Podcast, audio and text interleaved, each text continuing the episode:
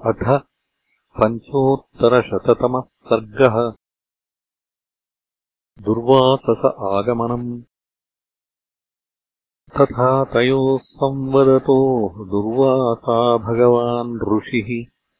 रामस्य दर्शनाकाङ्क्षी राजद्वारम् उपागमत् सोऽभिगम्य तु सौमित्रिम् उवाच ऋषिसत्तमः रामम् दर्शय मे शीघ्रम् पुरा मेऽर्थोऽपि वर्तते मुनेस्तु भाषितम् श्रुत्वा लक्ष्मणः परवीरः। अभिवाद्यमहात्मानम् वाक्यमेतदुवाचः। किम् कार्यम् ब्रूहि भगवन् को वार्थः किम् करोम्यहम् व्यग्रो हि राघवो ब्रह्मन्मुहूर्तम् प्रतिपाल्यताम्। तच्छ्रुत्वा ऋषिशार्दूलः क्रोधेन कलुषीकृतः। उवाच लक्ष्मणम् वाक्यम् निर्दहन्निव चक्षुषा। अस्मिन् क्षणे माम् सौमित्रे रामाय प्रतिवेदय अस्मिन् क्षणे माम् सौमित्रे न निवेदयसे यदि। विषयम् त्वाम् पुरम् चैव शपिष्ये राघवम् तथा। भरतम् चैव सौमित्रे युष्माकम् याचसन्ततिः न हि शक्ष्याम्यहम् भूयो मन्युम् धारयितुम् हृदि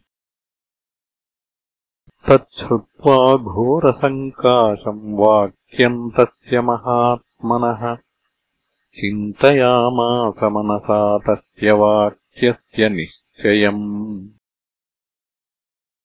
एकस्य मरणम् मेऽस्तु मा भूत् सर्वविनाशनम् इति बुद्ध्या विनिश्चित्य राघवाय न्यवेदयत्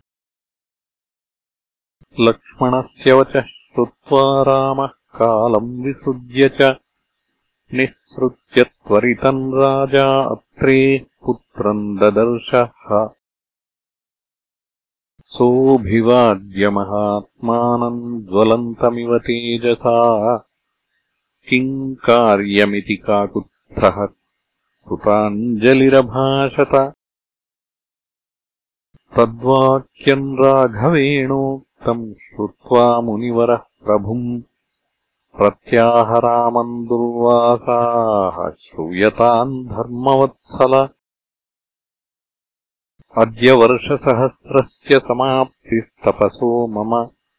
सोऽहम् भोजनमिच्छामि यथा सिद्धम् तवानघ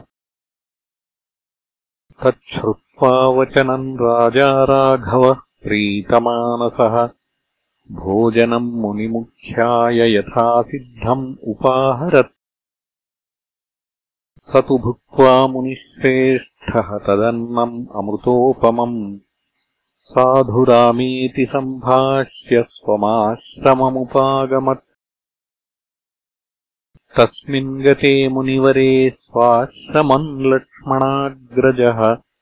संस्मृत्य कालवाक्यानि ततो दुःखम् उपागमत् दुःखेन च सुसन्तप्तः स्मृत्वा तद्घोरदर्शनम्। अवाङ्मुखो दीनमना व्याहर्तुम् न शशाकः। ततो बुद्ध्या विनिश्चित्य कालवाक्यानि राघवः नैतदस्तीति निश्चित्य तूष्णीम् आसीन्महायशाः इत्यार्षे श्रीमद् रामायणे वाल्मीकीये आदिकाव्ये उत्तरकाण्डे पञ्चोत्तरशततमः सर्गः